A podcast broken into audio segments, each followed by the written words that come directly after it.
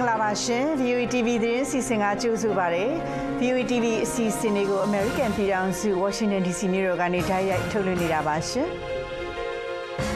ဂါဇာကမ်းမြောင်မှာတိုက်ပွဲဖြစ်ပွားနေတဲ့နေရာတွေကအရသားတွေကိုရွှေ့ပြောင်းပေးမဲ့အစီအစဉ်နဲ့စစ်စင်ရေးအစီအစဉ်တွေနဲ့ပတ်သက်ပြီးအစ္စရေးရဲ့စစ်ဘက်ဆိုင်ရာဝန်ကြီးအဖွဲ့ကိုတင်ပြခဲ့တဲ့အကြောင်းဝန်ကြီးချုပ်ရုံးကသတင်းထုတ်ပြန်ပါတယ်။ရုရှားကယူကရိန်းကိုဒုံးကျည်6ဆင်း drone 14ဆင်းနဲ့ညာလုံးပေါက်တိုက်ခိုက်ခဲ့တယ်လို့ယူကရိန်းကပြောပါတယ်။ ရှမ်းပြည်နယ်တောင်ပိုင်းဟိုပုံးမြို့နယ်အတွင်းတိုက်ပွဲတွေဆက်လက်ဖြစ်ပွားနေပြီးမြန်မာစစ်တပ်ကလေကြောင်းကတိုက်ခိုက်တဲ့အတွက်နေရှိလုံးမီးလောင်ခဲ့ရပြီးပြည်သူတွေထွက်ပြေးတိမ်းရှောင်နေရပါတယ်။ဂါဇာကမ်းမြောင်မှာတိုက်ပွဲတွေဖြစ်နေတဲ့နေရာကအရက်သားတွေကိုရွှေ့ပြောင်းပေးမဲ့အစီအစဉ်နဲ့နောက်ထပ်လုပ်မဲ့စစ်စင်ရေးအစီအစဉ်တွေနဲ့ပတ်သက်ပြီးတော့အစ္စရေးစစ်ဖက်ဆိုင်ရာဝန်ကြီးအဖွဲ့ကိုတင်ပြခဲ့တဲ့အကြောင်းအစ္စရေးဝန်ကြီးချုပ်ဘန်ဂျမင်နေတန်ယာဟုရဲ့ရုံးကဒီကနေ့သတင်းထုတ်ပြန်ပါတယ်။ ဂါဇာကမ်းမြောင်ဒေသလူဦးရေရဲ့တဝက်ကျော်ခိုလုံနေတဲ့ဂါဇာတောင်ပိုင်းရာဖာမြို့မြေပြင်တိုက်ခိုက်ရေးအစီအစဉ်တွေကိုအကောင့်ထဲဖော်ရမှာအရသားတွေဘေးကင်းရေးလိုက်နာရမယ်အစီအစဉ်တွေပါတယ်လို့ထုတ်ပြန်ချက်မှာဖော်ပြထားပါတယ်။ဒီထုတ်ပြန်ချက်မှာပါလက်စတိုင်းပြည်သူတွေဘယ်နေရာကိုသွာလာနိုင်မယ်ဆိုတဲ့အသေးစိတ်အချက်လက်တွေတော့ဖော်ပြထားတာမရှိပါဘူး။ ဂါဇာကမ်းမြောင်ဒေသလူသားချင်းစာနာထောက်ထားမှုအကူအညီတွေဟာမလုံလောက်သေးတဲ့အကြောင်းနဲ့ရာဖာမှာအစ္စရေးထိုးစစ်ကြောင့်အဲ့ဒီနေရာမှာခိုးလုံနေတဲ့ပါလက်စတိုင်းအရက်သားတသန်းကျော်အတွက်လူသားချင်းစာနာထောက်ထားမှုအကူအညီတွေကိုထိခိုက်စေတယ်လို့ကုလသမဂ္ဂထွေထွေတွင်းမူချူအန်တိုနီယိုဂူတရက်စ်ကဒီကနေ့ပြောပါရယ် ဒါပြည်အစ္စရေးစစ်တပ်ဟာလက်ဘနွန်မှာလည်းဟစ်ဇ်ဘိုလာစစ်သွေးကြွအဖွဲ့ကိုပြစ်မှတ်ထားပြီးတော့ပြင်းထန်တဲ့တိုက်ခိုက်မှုတွေကိုလှုံ့ဆော်နေတယ်လို့အစ္စရေးစစ်တပ်ရဲ့ဒီကနေ့ထုတ်ပြန်ချက်ကဖော်ပြပါတယ်ရှင်။ ရုရှားကယူကရိန်းကိုဒုံးကျည်6စင်ဒရုန်း14စင်နဲ့ညလုံးပေါက်တိုက်ခိုက်ခဲ့တယ်လို့ယူကရိန်းကဒီကနေ့ပြောပါတယ်။ဒီရဲကဒရုန်း9စင်းကိုတော့ Kharkiv နဲ့ Dnipropetrovsk ဒေသတွေမှာကြားပြတ်ပစ်ချခဲ့တယ်လို့ဒုံးကျည်3စင်းကိုလည်းဖျက်ဆီးခဲ့တယ်လို့ယူကရိန်းစစ်တပ်ကပြောပါတယ်။သုံးနှစ်ထဲရောက်လာပြီးဖြစ်တဲ့ရုရှားကျူးကျော်စစ်နဲ့ပတ်သက်ပြီးတော့ဥရောပခေါင်းဆောင်တွေဒီကနေ့တင်းနှင်းလာနေ့ပြင်သစ်နိုင်ငံ Paris မှာတွေ့ဆုံဆွေးနွေးဖို့ပြင်ဆင်နေတဲ့အချိန်မှာအခုလိုရုရှားဘက်ကဇက်တိုက်တိုက်ခိုက်လာတာပါပြီးခဲ့တဲ့သတင်းပတ်တွေထဲမှာရုရှားထိုးစစ်အရှိန်မြင့်လာတဲ့အတွက်အခုလိုဆွေးနွေးမှုတွေလုပ်ဖို့အတွက်အမေရိကန်နဲ့ဥရောပခေါင်းဆောင်တွေကိုပြင်သစ်သမ္မတအမန်နျူယ်မက်ခရွန်ကဖိတ်ကြားခဲ့ပါတယ်။ဆွေးနွေးပွဲကိုဥရောပနဲ့ရုရှားဆိုင်ရာအမေရိကန်လက်ထောက်နိုင်ငံရေးဝန်ကြီး Jim O'Brien နဲ့ကနေဒါနိုင်ငံကာကွယ်ရေးဝန်ကြီး Bill Blair တို့လည်းတက်ရောက်မှာဖြစ်ပါတယ်။ဒီဆွေးနွေးပွဲကနေပြီးတော့ယူကရိန်းကိုလက်နက်တွေပံ့ပိုးဖို့ကအထူးမဟုတ်ပဲမြေပြင်မှာပို့ပြီးတော့ထိရောက်မဲ့တိုက်ခိုက်ရေးနည်းလမ်းတွေကိုအကြံပေးဖို့နဲ့ မဟာမိတ်တွေနဲ့ယူကရိန်းကြားမှာညှိနှိုင်းဆောင်ရွက်မှုတွေတိုးလုပ်ဖို့ရည်ရွယ်တယ်လို့ပြင်သစ်သမ္မတ Emmanuel Macron ရဲ့အကြံပေးရာရှိတူကသတင်းတောက်တွေကိုပြောဆိုခဲ့ပါတယ်ရှင်။ရှမ်းပြည်နယ်တောင်ပိုင်းဟိုပုံးမြို့နယ်ထဲမှာတိုက်ပွဲတွေဆက်ဖြစ်နေပြီးတော့မြန်မာစစ်တပ်ကလေကြောင်းကတိုက်ခိုက်တဲ့အတွက်နေရှိလုံးမီးလောင်ခဲ့ပြီးထန်ဆန်းကူနာကြီးရွာကပြည်သူတွေထွက်ပြေးတိမ်းရှောင်နေရတဲ့အကြောင်းပုတ်အမျိုးသားလူမျိုးရေးတပ် PNLA က VOA ကိုပြောပါရယ် တိုက်ပွဲအတွင်းမှာအရာရှိ9ဦးအပါအဝင်စစ်ကောင်စီဘက်က16ဦးသေဆုံးတဲ့အကြောင်းနဲ့လက်နက်ခဲယမ်းတွေတင်စီရမိတာရှိတဲ့အကြောင်း PNL ကသတင်းထုတ်ပြန်ပါတယ်။ဟိုပုံးမြို့နယ်တဲ့ဒီလ20ရက်နေ့ကစပြီးတော့တိုက်ပွဲတွေဖြစ်ခဲ့ပြီးမနေ့တနင်္ဂနွေနေ့ကတော့မြေပြင်မှာတိုက်ပွဲဖြစ်ပွားတာရှိသလိုလေကြောင်းကတိုက်ခိုက်တာနဲ့လက်နက်ကြီးပစ်ခတ်တာတွေကြောင့်နေတချို့မီးလောင်ပျက်စီးတာရှိတယ်လို့ PNL ရဲ့ပြောရေးဆိုခွင့်ရှိသူခွန်ရိုင်ယန်ကပြောပါတယ်။ဟိုပုံးမိုင်းပုံလန်းကိုမြန်မာစစ်ကောင်စီကပိတ်ထားတဲ့အကြောင်းလဲခွန်ရိုင်ယန်ကပြောပါတယ်။ ထိခိုက်ဒဏ်ရာရတာလက်နက်တွေသိမ်းဆည်းမိတဲ့သတင်းတွေအပေါ်မှာစစ်ကောင်စီဘက်ကအတီးပြူတာမရှိသေးသလိုသတင်းထုတ်ပြန်တာလည်းမရှိသေးပါဘူး။ကရင်ပြည်နယ်အခေါ်ကရားပြည်နယ်အတွင်းမှာလည်းတိုက်ပွဲတွေဆက်ဖြစ်နေပြီးတော့ကရင်နီနဲ့ပူပေါင်းတပ်ဖွဲ့တွေဘက်ကလက်ရှိမျိုး၄ခုထက်မနည်းထိန်းချုပ်ထားတယ်လို့ KNDF ကရင်နီမျိုးသားကာကွယ်ရေးတပ်က VOA ကိုပြောပါတယ်။ လက်နက်ကြီးပစ်ခတ်မှုလေကြောင်းတိုက်ခိုက်မှုနဲ့မြေမြုံမိုင်းအန်ရီရီကြောင့်ဒေသခံတွေနေရပြန်ဖို့နဲ့အသက်မွေးဝမ်းကြောင်းနေထိုင်လုကင်နိုင်ဖို့တော့လောလောဆယ်မဖြစ်နိုင်သေးတဲ့အကြောင်းလဲ KNDF အဖွဲ့ကပြောပါတယ်ရှင်။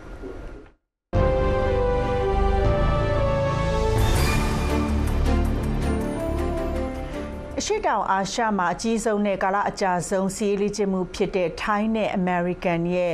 ရွှေမွေဟောက်စစ်စင်ရေးလေ့ကျင့်မှု Cobra Gold 2024ကိုဒီလ26ရက်နေ့ကနေပြီးတော့ March လ10ရက်နေ့ထိပြုလုပ်သွားမှာဖြစ်တယ်လို့ထိုင်းနိုင်ငံကာကွယ်ရေးဝန်ကြီးဌာနပြောရေးဆိုခွင့်ရ GRU Hong Sap ကပြောပါတယ်စနေရက်ကြာလုံးမဲ့ဒီနေ့စီးလေ့ကျင့်မှုမှာနိုင်ငံပေါင်း30ကစစ်ဖက်ဆိုင်ရာရရှိပေါင်း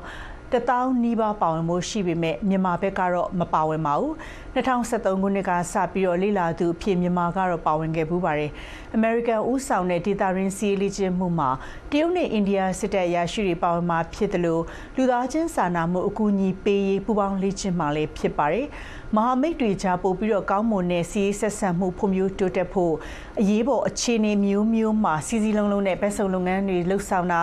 ပူးရဲလှုပ်ဆောင်မှုဆိုင်ရာစွမ်းဆောင်ရည်အားကောင်းမှုနဲ့ နိုင်ငံစုံတပ်ဖွဲ့များဆိုင်ရာလှုပ်ထုံးလုပ်နည်းတွေအတိုင်းလက်တွေ့လေ့ကျင့်မှုအတွက်ရည်ရွယ်ပြီးတော့လုပ်တဲ့စီးလေ့ကျင့်ခန်းဖြစ်ပါတယ်။ပင်မစီးလေ့ကျင့်မှုတွေမှာတပ်ဖွဲ့ဝင်4000ကျော်ပါဝင်မှာဖြစ်ပြီးတော့စင်ကာပူ၊အင်ဒိုနီးရှား၊ဂျပန်၊တောင်ကိုရီးယားနဲ့မလေးရှားတို့ကပါမှာဖြစ်ပါတယ်။ဒီနေ့လုပ်တဲ့စီးလေ့ကျင့်မှုဟာ43ချိန်မြောက်ဖြစ်ပြီးထိုင်းနဲ့အမေရိကန်နှစ်နိုင်ငံဆက်ဆံရေးနှစ်190ပြည့်လည်းဖြစ်ပါတယ်ရှင်။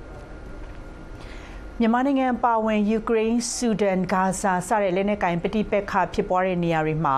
နိုင်ငံတကာဥပဒေကိုမျက်ကွယ်ပြုနေကြတဲ့လုပ်ရက်တွေကြောင့်ကမ္ဘာကြီးရဲ့ဘေးကင်းလုံခြုံမှုကိုချိန်ချောက်နေတဲ့အကြောင်းကုလသမဂ္ဂအတွင်းမှုချုပ်ကဒီကနေ့ဂျနီဗာမှာပြုလုပ်တဲ့ကုလသမဂ္ဂလူခွင့်ရေးကောင်စီအစည်းအဝေးပွဲဖွင့်ပွဲမှာသတိပေးပြောဆိုပါတယ် The rule of law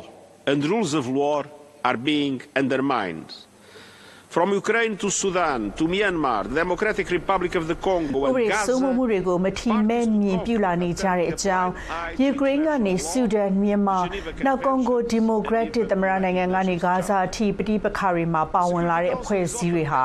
နိုင်ငံတကာဥပဒေတွေကိုမျက်ကွယ်ပြုနေသလိုဂျနီဗာသဘောတူညီချက်တွေနဲ့ကုလသမဂ္ဂဗြိဉ္ဉ်စာရန်တွေကိုလည်းမတိကျိုးကျွံပြုနေတယ်ဆိုပြီးကုလသမဂ္ဂအတွင်းမှုချုပ်အန်တိုနီယိုဂူတရက်စ်ကပြောဆိုပါတယ်။ ယူကရိန်းကိုရုရှားကျူးကျော်တာနဲ့နောက်ဂါဇာပဋိပက္ခအရေးကုလသမဂ္ဂလုံခြုံရေးကောင်စီတွင်ညီညွတ်မှုမရှိတာကိုထောက်ပြပြီးတော့ဒီလိုညီညီညွတ်ညွတ်မဖြေရှင်းနိုင်ကြတဲ့အတွက်လုံခြုံရေးကောင်စီရဲ့လုတ်ပိုင်ခွင့်အာဏာထိခိုက်စေတဲ့အကြောင်းအတွင်းမှုချုပ်ကပြောဆိုပါတယ်။ ကုလသမဂ္ဂလူခွင့်ရေးဆိုင်ရာမဟာမင်းကြီးဖော်ခထကတော့ကဘာတဝမ်းမအောင်မြင်တဲ့မူဝါဒတွေကြားကုလသမဂ္ဂကိုတစားကန်လို့အသုံးချနေကြပြီးတော့လိမ့်လည်လေပြားတဲ့ဝါဒဖြန့်ချီမှုတွေကြားမိုးကြိုးလွဲတစ်ခုလိုအသုံးချခတ်နေရတယ်ဆိုပြီးဝေဖန်ပြောဆိုပါရယ်ပဋိပက္ခတွေကြားကုလသမဂ္ဂရဲ့အစင်လာတဲ့လုပ်ငန်းတွေထိရောက်အောင်လုပ်ခွင့်မရတဲ့အခြေအနေ နောက်မြန်မာနိုင်ငံအပါအဝင်အကြက်တဲဆူဆူဝါဝါရင်ဆိုင်နေရတဲ့နေရာတွေကပြည်သူတွေရဲ့နာကျင်ထိခိုက်နေရတဲ့အဖြစ်တွေကိုဥပမာပေးပြီးတော့ပြောဆိုသွားပါတယ်ရှင်။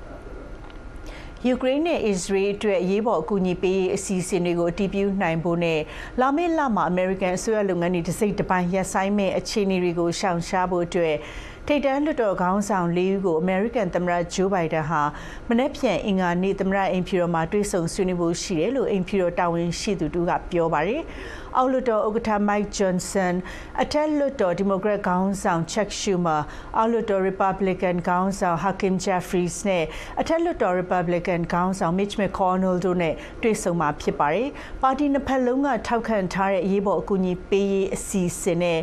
စက်တင်ဘာလကုန်ထိ Federal အစိုးရကိုဆက်ပြီးတော့လက်ပတ်စီမဲဥပဒေတွေနဲ့ပတ်သက်ပြီးတော့ဆွေးနွေးဖို့ရှိတယ်လို့အမည်မဖော်လိုတဲ့အိမ်ဖြူတော်ရရှိကပြောပါတယ်။ယူကရိန်း၊အစ္စရေးနဲ့အင်ဒိုပစိဖိတ်ဒေသအတွက်အမေရိကန်ဒေါ်လာ65ဘီလီယံပေးမဲ့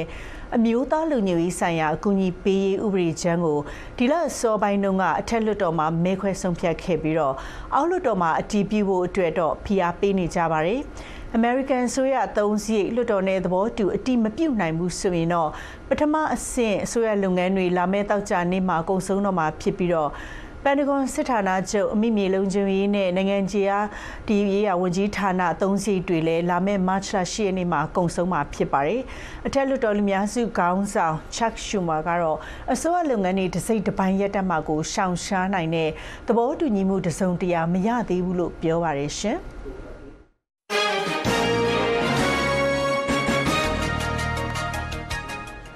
တောင်ကိုရီးယားနိုင်ငံမှာစေယုံမစင်မဲနဲ့တပိမှောက်ဆန္ဒပြနေတဲ့လူငယ်ဆရာဝန်တွေအလုပ်ပြန်ဆင်းကြဖို့ဒီကနေ့ကစပြီးတော့၄ရက်အချိန်ပေးထားပြီးနောက်ဆုံးသတ်မှတ်ရက်မတိုင်ခင်အလုပ်ပြန်မဝင်ရင်တော့စေကူတာခွင့်လိုင်စင်ဆိုင်းငံ့မယ်လို့ကြေညာပါတယ်။စေချောင်းဝင်ခွင့်ဥယျာဉ်ပုံမှန်ထက်65ရာခိုင်နှုန်းတိုးပြီးတော့ခေါ်ယူမဲ့အစိုးရအစီအစဉ်ကိုကန့်ကွက်တဲ့အနေနဲ့ပြီးခဲ့တဲ့အပတ်ကစပြီးတော့အလုပ်တင်ဆရာဝန်တွေပါဝင်ဆရာဝန်9000လောက်ဟာ စေုံမစင်းမဲနဲ့တပိမှောက်ဆန္ဒပြနေတာပါဆရာဝန်တွေအလုံးမစင်းတာကြောင့်ခွဲစိတ်ကုသလူနာတွေနဲ့ကုသရေးပိုင်းအခက်အခဲတွေနဲ့ကြုံနေရပါတယ်တောင်ကိုရီးယားမှာလက်ရှိဆရာဝန်နဲ့လူနာအချို့ဟာဖွံ့ဖြိုးပြီးစနိုင်ငံတွေရဲ့အနေဆုံးစီးရင်မှာရှိပါတယ်။တက်ကြီးရွယ်ကိုဥယျာဉ်များလာတာနဲ့အတူကျန်းမာရေးဆောင်ရှားမှုနဲ့ဆေးကုသမှုအတွက်ဆရာဝန်အရေးအတွက်တိုးပြီးတော့လိုတယ်လို့အစိုးရတာဝန်ရှိသူတွေကပြောပါတယ်။ ဒါပေမဲ့စစ်တပ်ကသူတွေမှာចောင်းသားဥယျာဉ်ပုံများလာရင်တင် जा ရေးထိခိုက်နိုင်တယ်လို့ဒီစီစဉ်ဟာလစာနေတဲ့ကလေးစုစေကုဌာနနဲ့ရေးပေါ်ဌာနအတွက်အဆင်ပြေနိုင်ပေမဲ့ရေရှည်ဆရာဝန်မလုံလောက်တဲ့ပြဿနာကိုဖြေရှင်းနိုင်မှာမဟုတ်ဘူးလို့တပိတ်မောက်ဆန္ဒပြတဲ့ဆရာဝန်တွေကပြောပါတယ် ဒုတိယကျမ်းမာရေးဝန်ကြီးဖတ်မင်ဆိုကတော့ဆရာဝန်တွေ February 29ရက်ကြာသာပတေးနေ့မှာနောက်ဆုံးထားပြီးတော့အလုပ်ဝင်ကြဖို့နဲ့တတ်မှတ်ရက်မတိုင်ခင်အလုပ်ပြန်ဆင်းရင်အရေးမယူဘူးလို့ဒီကနေ့နိုင်ငံပိုင်ရုံမြင့်တန်ကြားကနေပြောဆိုပါတယ်။တတ်မှတ်ရက်ကျော်လို့မှအလုပ်ပြန်မဝင်ရင်တော့စေကူတာခွင့်လိုင်စင်3လဆိုင်ရမယ်အပြင်ဆက်ပြီးတော့လဲစုံစမ်းစစ်ဆေးအရေးယူအပြစ်ပေးခံရနိုင်တယ်လို့ပြောဆိုထားပါတယ်ရှင်။ တောင်တရုတ်ပင်လယ်ပြင်ကပိုင်ဆိုင်မှုတွေအငင်းပွားနေပြီးတော့ဖိလစ်ပိုင်နဲ့တရုတ်ကမ်းခြေဆောင်တပ်တွေမကြာခဏဝင်ရောက်နေတဲ့နေရာမှာရေပေါ်အတားအဆီးတွေချထားတာကိုဆက်သွယ်ရေးဂျူဒူကပုံနေမှာတွေ့ရပါတယ်။ February 22ရက်နေ့ကရိုက်တဲ့ Maxa Technologies ရဲ့ Scarborough Shoal ကျွန်းအဝင်မှာရေပေါ်အတားအဆီးတွေချထားတာကိုတွေ့ရတာပါ ဒီကျွန်းနာကတရုတ်နိုင်ငံဘက်ကရေပေါ်အတားအဆီးတွေချထားတာကြောင့်ဖိလစ်ပိုင်ငါးဖမ်းလေတွေဝင်ငွေမရဘဲနဲ့ဖြစ်နေတဲ့အတွက်ဖိလစ်ပိုင်ကတော့အစောပိုင်းကတည်းကကန့်ကွက်ထားပါတယ်တရုတ်ကတော့ Scarborough Shoal ကျွန်းဟာတရုတ်နိုင်ငံပိုင်ရေပိုင်နဲ့ဖြစ်တယ်ဆိုပြီးတော့ပြောဆိုနေသလိုဖိလစ်ပိုင်ဘက်ကတင်မော်တွေတရားမဝင်ဝင်ရောက်တာကိုလည်းဆွဆွဲထားပါတယ် ပြီးခဲ့တဲ့သတင်းပတ်ကပဲအငင်းပွားနေတဲ့ရေပိုင်နဲ့ထဲကျူးကျော်ရောက်လာတဲ့အတွက်ဖိလစ်ပိုင်ကတင်မောတစည်းကိုနှင်ထုတ်ခဲ့တယ်ဆိုပြီးတရုတ်ကမ်းခြေဆောင်တက်ကပြောပါတယ်ဖိလစ်ပိုင်ကတော့ဒီပြောဆိုချက်ကိုညှင်းဆိုပါတယ်စကာဘူရူရှိုကျွန်းဟာဖိလစ်ပိုင်ရဲ့အထူးစီးပွားရေးဇုံနယ်ထဲမှာရှိပြီးတော့တရုတ်နိုင်ငံကလည်းသူ့ပိုင်အဖြစ်ပြောဆိုထားတာကြောင့်ရေချောင်းပိုင်နဲ့အငင်းပွားမှုတွေပေါ်ပေါက်နေသလိုမကြာခဏနှစ်နိုင်ငံကမ်းခြေဆောင်တက်တွေကြားထိတ်တိုက်ရင်ဆိုင်ရတာတွေလည်းပေါ်ပေါက်လေးရှိပါတယ်။ အငင်းပွားတာကိုနိုင်ငံတကာဥပဒေနဲ့အညီတုံ့ပြန်ခဲ့ပြီးတော့ကျွန်းနီးကဖိလစ်ပိုင်ငါးဖမ်းလှေတွေကိုရိတ်ခါပေးပို့တာလုံခြုံရေးယူပေးတာတွေလုပ်နေတဲ့အကြောင်းဖိလစ်ပိုင်ကမ်းခြေဆောင်တက်ကပြောပါတယ်ရှင်။အိန္ဒိယဝန်ကြီးချုပ်နရိန္ဒရာမိုဒီဟာမနေ့တုန်းကဂူဂျရတ်ပြည်နယ်အနောက်ပိုင်းအာရီဗျပင်လယ်ထဲရေရောက်မှ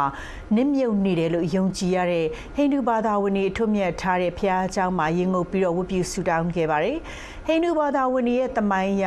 ခရစ်နာဘုရားရှင်ဖန်ဆင်းတဲ့ဒဝါကမြို့ကြီးဟာခရစ်နာဘုရားကဘာမြေကပျောက်ကွယ်သွားတဲ့အချိန်မှာရေရောက်နစ်မြုပ်ခဲ့တယ်လို့ဆိုပါတယ်။ရေရောက်ကဖျားချောင်းကြံခဲ့တဲ့နေရာကိုဝန်ကြီးချုပ်နရိန္ဒရာမိုဒီကရင်ငုတ်ကရိယာတွေဝတ်ဆင်ဆင်းသက်ပြီး ဒေါင်းတောင်ကျိန်တံကိုဆက်တာပြီးတော့ဝတ်ပြုဆုတောင်းခဲ့ပါတယ်။ပြီးခဲ့တဲ့လတုန်းကလည်းအယူဒီယာမြို့တမိုင်းဝင်ဗလီအပြည့်စီးတွေပေါ်မှာတိဆောက်နေတဲ့ဟိန္ဒူဘုရားကျောင်းကိုဖွင့်လှစ်ပေးခဲ့ပါတယ်။လာမယ့်မေလရွေးကောက်ပွဲမတိုင်ခင်ဟိန္ဒူမဲဆန္ဒရှင်တွေကိုဆွဲဆောင်မှုရည်ရွယ်တဲ့အနေနဲ့ဒီဘုရားကျောင်းကိုဝန်ကြီးချုပ်မိုဒီကိုယ်တိုင်တက်ရောက်ဖွင့်လှစ်ပေးခဲ့တာလည်းဖြစ်ပါတယ်ရှင်။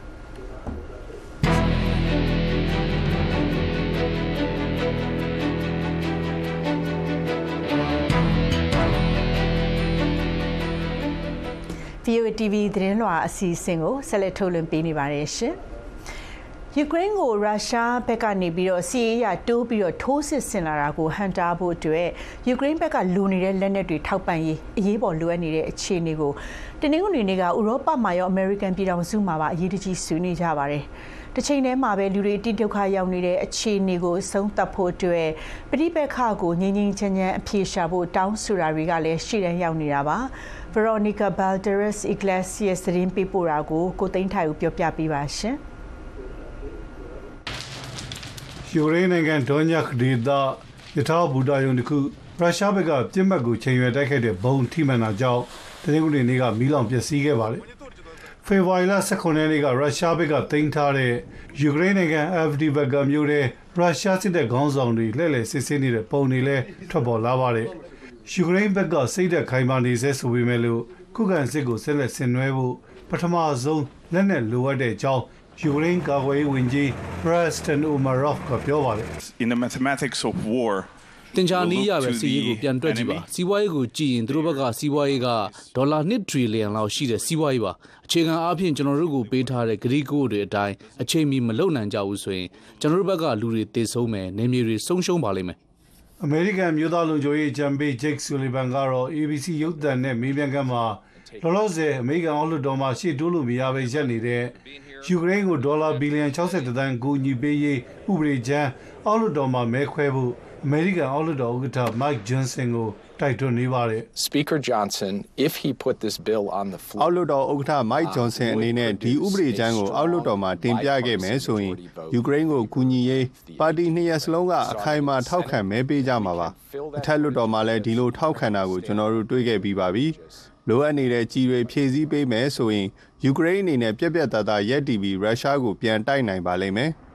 ယူကရိန်းကိုရုရှားကျူးကျော်တိုက်ခိုက်ခဲ့တဲ့နှစ်နှစ်ပြည့်နေ့အပြီးအမေရိကန်မျိုးသားလုံခြုံရေးချန်ပီယံဂျိတ်ဆူလီဗန်ရဲ့ပြောဆိုချက်ထွက်ပေါ်လာတာပါယူကရိန်းနိုင်ငံအတွက်စေတနာဝန်ထမ်းကူညီလုပ်ကိုင်ပေးနေသူတူဖြစ်တဲ့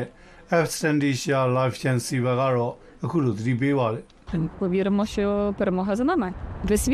ကျမကတော့အောင်ပွဲရမယ်ဆိုတာကိုယုံတယ်။တကဘာလုံးကကျမတို့ကိုထောက်ခံနေတာ။တကယ်လို့ယူကရိန်းရှုံးနိမ့်ခဲ့ရင်နိုင်ငံတနိုင်ငံတည်းကိုတကဘာလုံးကရှုံးနိမ့်သွားတာမျိုးဖြစ်နေပါတယ်။ ယူကရိန်းနိုင်ငံကခလေးငယ်တွေကတော့စစ်ရဲ့ရိုက်ခတ်မှုဒဏ်အထန်ချက်တွေကိုအပြင်းအထန်ခံနေရပြီးတော်တော်များများခြေခွဲဝမ်းနေရတဲ့စိတ်ခံစားချက်တွေကြားကြောင်းနေလဲဆက်မတက်ကြတော့ပါဘူး။တနင်္ဂနွေနေ့ကဗာဒီယန်ဝေပြုဆူတောင်းပွဲမှာပုပ်ရမင်းကြီး Francis က အခုလိုမြစ်တာရက်ခံပါတယ် Supplico che si ritrovi quel po' တ di ရားမျှတ umanità မှုနဲ့ရေရှည်တည်တတ်တဲ့ငြိမ်းချမ်းရေးကိုရဖို့တန်တမန်ရေးအရာအပြေရှားနိုင်တဲ့အခြေအနေကို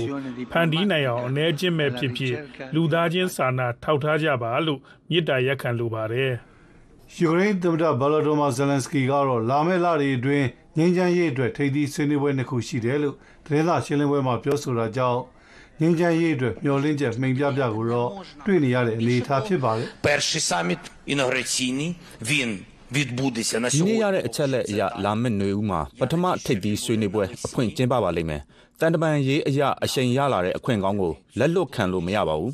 ။ဆွစ်ဇာလန်မှာဆွေးနွေးပါလိမ့်မယ်။ဒုတိယထိပ်သီးဆွေးနွေးပွဲကိုလည်းဥရောပတိုက်တနေရာရာမှာကျွန်တော်တို့ထပ်ဆွေးနွေးကြပါမယ်။ ထိပ်သီးဆွေးနွေးပွဲကရလာတဲ့ငြိမ်းချမ်းရေးအခြေခံအဆိုပြုချက်အားလုံးကို ရုရှားဘက်ကိုတင်ပြမယ်လို့ယူကရိန်းသမ္မတဗလာဒိုမာဇယ်လန်စကီကပြောပါတယ်။ဒါပေမဲ့လည်းရုရှားဘက်က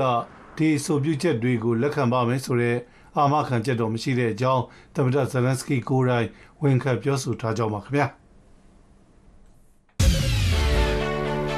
VOA မြန်မာပိုင်းအစီအစဉ်ရဲ့ရေဒီယိုနဲ့ရုပ်မြင်သံကြားထုတ်လွှင့်ချက်တွေကို အချိန်မရွေးကြီးရှုနားဆင်နိုင်မှု VOA Mobile App အသစ်ကို smartphone တွေမှာ download ယူနိုင်ပါပြီ။ Android phone တွေအတွက်ဆိုရင် Google Play နဲ့ iPhone တွေအတွက် Apple App Store တွေမှာ VOA Bambi ဆိုတဲ့ app ကို download လုပ်နိုင်ပါတယ်။ VOA မြန်မာဌာနဆိုတဲ့ logo နဲ့ဖြစ်လို့ရှာဖွေရတာလွယ်ကူပါတယ်။ဒီ application ကနေပြီးတော့ VOA အစီအစဉ်တွေကိုတိုက်ရိုက်နားဆင်ကြည့်ရှုနိုင်တဲ့အပြင်ကိုနှစ်သက်ရာအချိန်တိုင်းမှာလည်းသတင်းဆောင်မတွေအပတ်စဉ်ကဏ္ဍတွေကိုတွားပြီးတော့နားဆင်ဖတ်ရှုနိုင်ပါတယ်ရှင်။ VOA TV သတင်းလွှာအစီအစဉ်ကို American ပြည်ထောင်စုမြို့တော် Washington ကနေပြီးတော့ဆက်လက်ထုတ်လွှင့်ပေးနေပါတယ်ရှင်။မကြသေးခင်ကရုရှားအတိုက်ခံခေါင်းဆောင် Alexei Navalny တေဆုံးခဲ့တဲ့အတွက် ယူကရိန်းကိုပိုးပြီးတော့အကူအညီထောက်ပံ့ဖို့ကအမေရိကန်လွှတ်တော်တွင်းမှာအာရုံစိုက်စရာအကြောင်းတစ်ခုတော့ဖြစ်လာပါတယ်။ Republican တွေအတွက်လည်းဒါကဖိအားတစ်ခုဖြစ်နေတာပါ။တစ်ချိန်တည်းမှာပဲသမ္မတဂျိုးဘိုင်ဒန်နဲ့နွေမာရွေးကောက်ပွဲအတွက်သူ့ရဲ့အဓိကပြိုင်ဘက်သမ္မတဟောင်းဒေါ်နယ်ထရမ့်တို့ကြားမှာယူကရိန်းနဲ့ပတ်သက်ပြီးတော့ပြက်ပြက်သားသားသဘောထားကွဲလွဲမှုတွေကလည်းရှိနေပါတယ်။ VOA သတင်းတောက် Anita Powell သတင်းပေးပို့ထားတာကိုဆက်ပြီးတော့ပြောပြပေးပါမယ်ရှင်။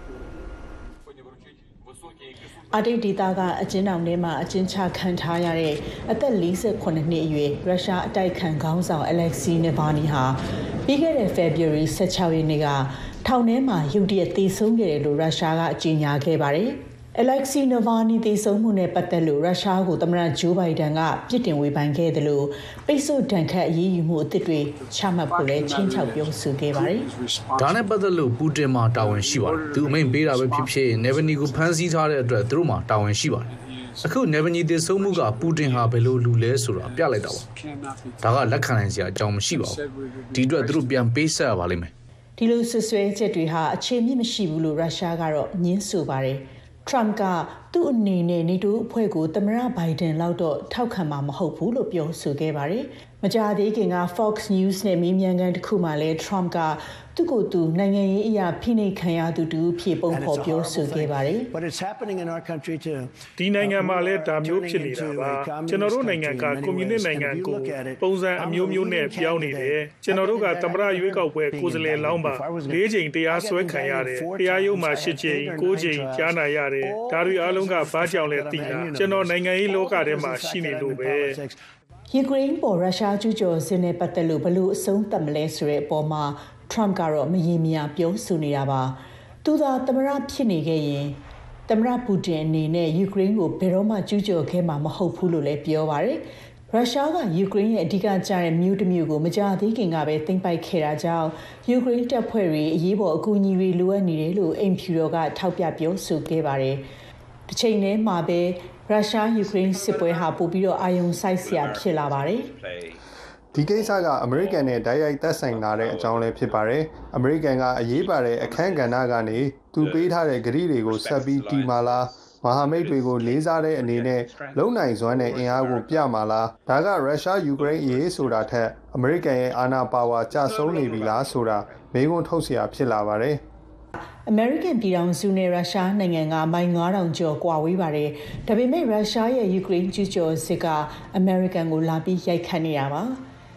နိုဝင်ဘာလသမရရွေးကောက်ပွဲကနိုင်ငံရေးအရသဘောထားကွဲလွဲမှုတွေရှိနေတဲ့အမေရိကန်ပြည်ထောင်စုရဲ့ကံကြမ္မာကိုဘယ်လိုအပြောင်းလဲတွေဖြစ်လာစေမလဲဆိုတာကတော့စောင့်ကြည့်ကြရမှာပဲဖြစ်ပါတယ်ရှင်။ မြန်မာနိုင်ငံမှာလူငယ်တွေအတွက်လွတ်လပ်တဲ့ရွေးချယ်နိုင်ခွင့်တွေအခွင့်အလမ်းတွေပြန်ပြီးတော့ပေါ်ပေါက်စေဖို့အတွက်နိုင်ငံတကာမှာရောက်နေတဲ့ဒီမြန်မာလူငယ်တွေတက်ကြွတဲ့ပညာနဲ့မျှဝေကြိုးစားနေကြပါတယ်။ဘုဟုတုတတွေဖလှယ်နိုင်ဖို့တန်စင် podcast တင်ဆက်နေသူတန်စင်နဲ့မဆုမြတ်မောကမေးမြန်းပြီးတော့လူမှုရှုခင်အစီအစဉ်ကနေတင်ပြပေးထားပါတယ်ရှင်။ မြန်မာနိုင်ငံကိုလွတ်လပ်မျှတတဲ့ဒီမိုကရေစီနိုင်ငံပြန်ဖြစ်စေရမယ်ဆိုတဲ့ယုံကြည်ချက်နဲ့ကိုတက်ကျွမ်းတဲ့ပညာနဲ့ဒီຫນွေဥဒေါ်လာရေးမှာပါဝင်နေကြတဲ့မြန်မာနိုင်ငံကလူငယ်တွေကမ္ဘာတော်အမှာရှိနေကြပါတယ်။ American ပြည်ထောင်စုနယူးယောက်မြို့မှာနေတဲ့တန်စင်ဆိုရင်လေမြန်မာရေးလုပ်နေကြတဲ့လူငယ်ချင်းချင်းကြားမှာဗဟုသုတတွေဖလှယ်ပြီးတော့ခွန်အားတွေမျှဝေနိုင်ကြစေဖို့ဆိုတဲ့ရည်ရွယ်ချက်နဲ့ online ပေါ်မှာအတန်လွှင့်တဲ့ဒီတန်စင်အိမ် podcast အစီအစဉ်ကိုဖန်တီးထားပါတယ်။ ရုပ်သံဗီဒီယိုတွေဖန်တီးတဲ့အပိုင်းမှာကျွမ်းကျင်တဲ့သူ့ရဲ့အတတ်ပညာနဲ့မြမအရေးလုပ်နေတာလို့တန်ဆင်ကပြောပါတယ်။ငငယ်တွေကနိုင်ငံသားမှနေသူတယောက်အနေနဲ့မြမအရေးကိုဘာကြောင့်ဒီဇိုင်းမမတ်လုပ်ဖြစ်နေတယ်လို့တန်ဆင်ကိုမေးကြည့်ဖြစ်ပါတယ်။ဒီ2021အာနာသိမ်းလိုက်တဲ့အချိန်မှာဟိုတန်ဆင်ရှင်ထဲမှာပေါ့နော်တော်တော်လေးကိုမခံမရနိုင်ဖြစ်ခဲ့တယ်။ဒီသူတို့ကလက်နက်အားကိုနဲ့ လူတွေကိုမတရားအနိုင်ကျင့်တယ်လို့ခံစားရတာပေါ့နော်ပြည်သူတွေကဒီလောက်တောင်သူတို့လက်မခံပါဘူးဆိုပြီးတော့ခါခါတီးတီးဖြစ်နေတာကိုလုံးဝဂရုမစိုက်ဘဲနဲ့ငါတို့လှုပ်ချင်တာလုပ်မယ်နင်တို့ကငါတို့ရဲ့လက်ခုပ်ထဲကရေဆိုတဲ့ပုံစံမျိုးလှုပ်တာကိုဒေါသထွက်တယ်ပေါ့နော်အဲတော်တော်လေးခံပြင်းတယ်နောက်တစ်ခုကကျတော့ဒီပြည်သူတွေကငြင်းငြင်းချမ်းချမ်းဆန္ဒပြတာလေအဲ့ဒါကိုသူတို့ဘက်ကအကြမ်းဖက်တဲ့ပုံစံနဲ့စလှုပ်တာအဲ့ဒီလိုမျိုးတုံ့ပြန်တာကိုလေဟိုစိတ်ထဲမှာယွံမုံကြီးပေါ့နော်ဖြစ်တာပေါ့ နောက်ပြီးဟိုးအရင်တော့ကနေရှင်းလိုက်ရင်လေ social media ရဲ့ကျေးဇူးကြောင့်ဒီတစ်ခေါက်ကဒီသူတို့ရဲ့လူမဆန်တဲ့လုပ်ရက်တွေကိုဟိုအရင်ခေတ်တရားထက်ပို့ပြီးတော့ထင်ထင်ရှားရှားကြီးကိုသိရတယ်မြင်ရတယ်ကြားယုံလေးတွေမဟုတ်ဘူးပေါ့နော်ကိုမျက်စိနဲ့ကိုသိချာမြင်ရတယ်အဲ့တော့အဲ့ဒါတွေကိုအဆုံးသတ်ဖို့ဒီ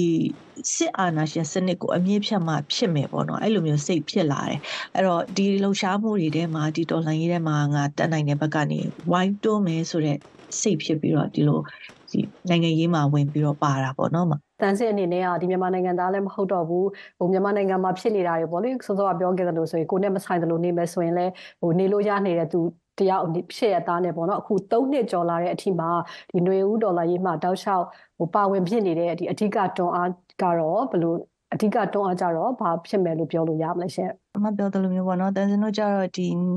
ပြည်ပမှာနေတာတော်တော်လေးလေးကြာပြီနှစ်ပေါင်း20ကျော်ပြီဟိုအရင်ကတည်းကပြည်ပမှာအခြေချနေတာပေါ့နော်အဲ့တော့အမှန်တိုင်းပြောရမယ်ဆိုလို့ရှိရင်နေတာတလို့နေလို့တော့ရတယ်ပေါ့နောက်ပြီးတော့တကယ်လို့မြန်မာပြည်ကောင်းစားသွားတယ်ဆိုလို့ရှိရင်လည်းသိပ်ပြီးတော့ထွေထွေထူးထူးအကျိုးခံစားရဖို့ကဘာမှသိပ်မရှိဘူးပေါ့နော်ဒါပေမဲ့ဒီကို့အချိန်နေငွေတွေပညာတွေအဲ့လိုမျိုးတက်နိုင်တဲ့ဟာကိုစိုက်ထုတ်ပြီးတော့လုပ်နေရတာဘာကြောင့်လဲဆိုတော့ ကိုတယောက်ပါလိုက်ခြင်းအဖြစ်ဒီတော်လှန်ရေးမှာဘယ်နေရာလေးမှာပဲပါပါပေါ့နော်အားဖြစ်လာမယ်အားဖြစ်လာတဲ့အခါကျလို့ရှိရင်ဒီတွန်းအားတစ်ခုကနေပြီးတော့ဒီမြန်မာနိုင်ငံကဒီစစ်အာဏာရှင်လက်အောက်ကနေမြ мян လွတ်မြောက်နိုင်မယ်လို့တွေးတယ်ပေါ့နော်ဆန္ဒပြပွဲတွေဒီမှာလုပ်တယ်ဆိုရင်လည်းအဲ့ဒီလိုပဲဒီဆန္ဒပြပွဲမှာငါတယောက်သွားလိုက်လို့ဘာထူးမှလဲဆိုတာထက်ငါတယောက်မသွားလို့ရှိရင်လူတယောက်အင်အားလျော့သွားရင်အချိန်ကြီးပိုကြမယ် အချိန်ကြီးပိုကြရင်ဒုက္ခရောက်တဲ့လူတွေလည်းပိုများလာမယ်ပေါ့နော်ဒါတွေကိုကြည့်ပြီးတော့အာငါလုံနိုင်တာကိုလုံမယ်ဆိုတဲ့စိတ်တစ်ခုနဲ့အဲ့လိုမျိုးဆွဲအချိန်အချိန်အကြာကြီးဒီလိုမျိုးဆက်ပြီးတော့လုံနေတာပေါ့နော်အဲ့တော့အခုလက်ရှိပေါ့နော်ဒီတန်စစ်အနေနဲ့မြမအရင်နဲ့ပတ်သက်လို့ပုံမှန်အချိန်ပေးပြီးတော့ဘာတွေလုပ်နေတယ်ဆိုတာကိုပြောပြပါလားရှင် ဟိုတော်လန်ရေးစာတုံးကတော့အာနာသိန်းကစာတုံးကတော့ဒီဘာသာပြန်တာတို့ keyboard fighter လောက်တာတို့ကနေစတာပေါ့နော်အဲ့ဒီနောက်ပိုင်းမှာမှလို့တခြားဗီဒီယိုလေးတွေအတန်သွင်းတဲ့အစီအစဉ်လေးတွေမှာပါနေရင်းနဲ့ဟိုတန်စင်နဲ့အတူတူအရင်တော့ကအလုပ်လုပ်ခဲ့တဲ့တငယ်ချင်းတယောက်ကငါတို့တွေပုံမှန်အစီအစဉ်လေးတင်ဆက်ရအောင်ဆိုပြီးတော့ idea လေးပေးတာနဲ့ဟုတ်ပြီကောင်းပြီဆိုပြီးတော့အပတ်စဉ်တင်ဆက်တဲ့တန်စင်အိမ်ဆိုတဲ့အစီအစဉ်ကိုစပစ်ခဲ့တာပေါ့နော်အဲ့ဒီတန်စင်အိမ်မှာ ဟိုတန်စင်နဲ့တငယ်ချင်းနဲ့နှစ်ယောက်ကအဓိကတာဝန်ယူပြီးတော့အလင်းတင်တင်တယ်လို့တခြားအမှုပညာရှင်တွေစာရေးဆရာတွေနောက်တော်လှန်ရေးမောင်နှမတွေပေါ့နော်အဲ့ဒါဖိတ်ခေါ်ပြီးတော့အတူတူတင်ဆက်လာတာအခုဆိုရင်အစီအစဉ်100ကျော်လာပြီပေါ့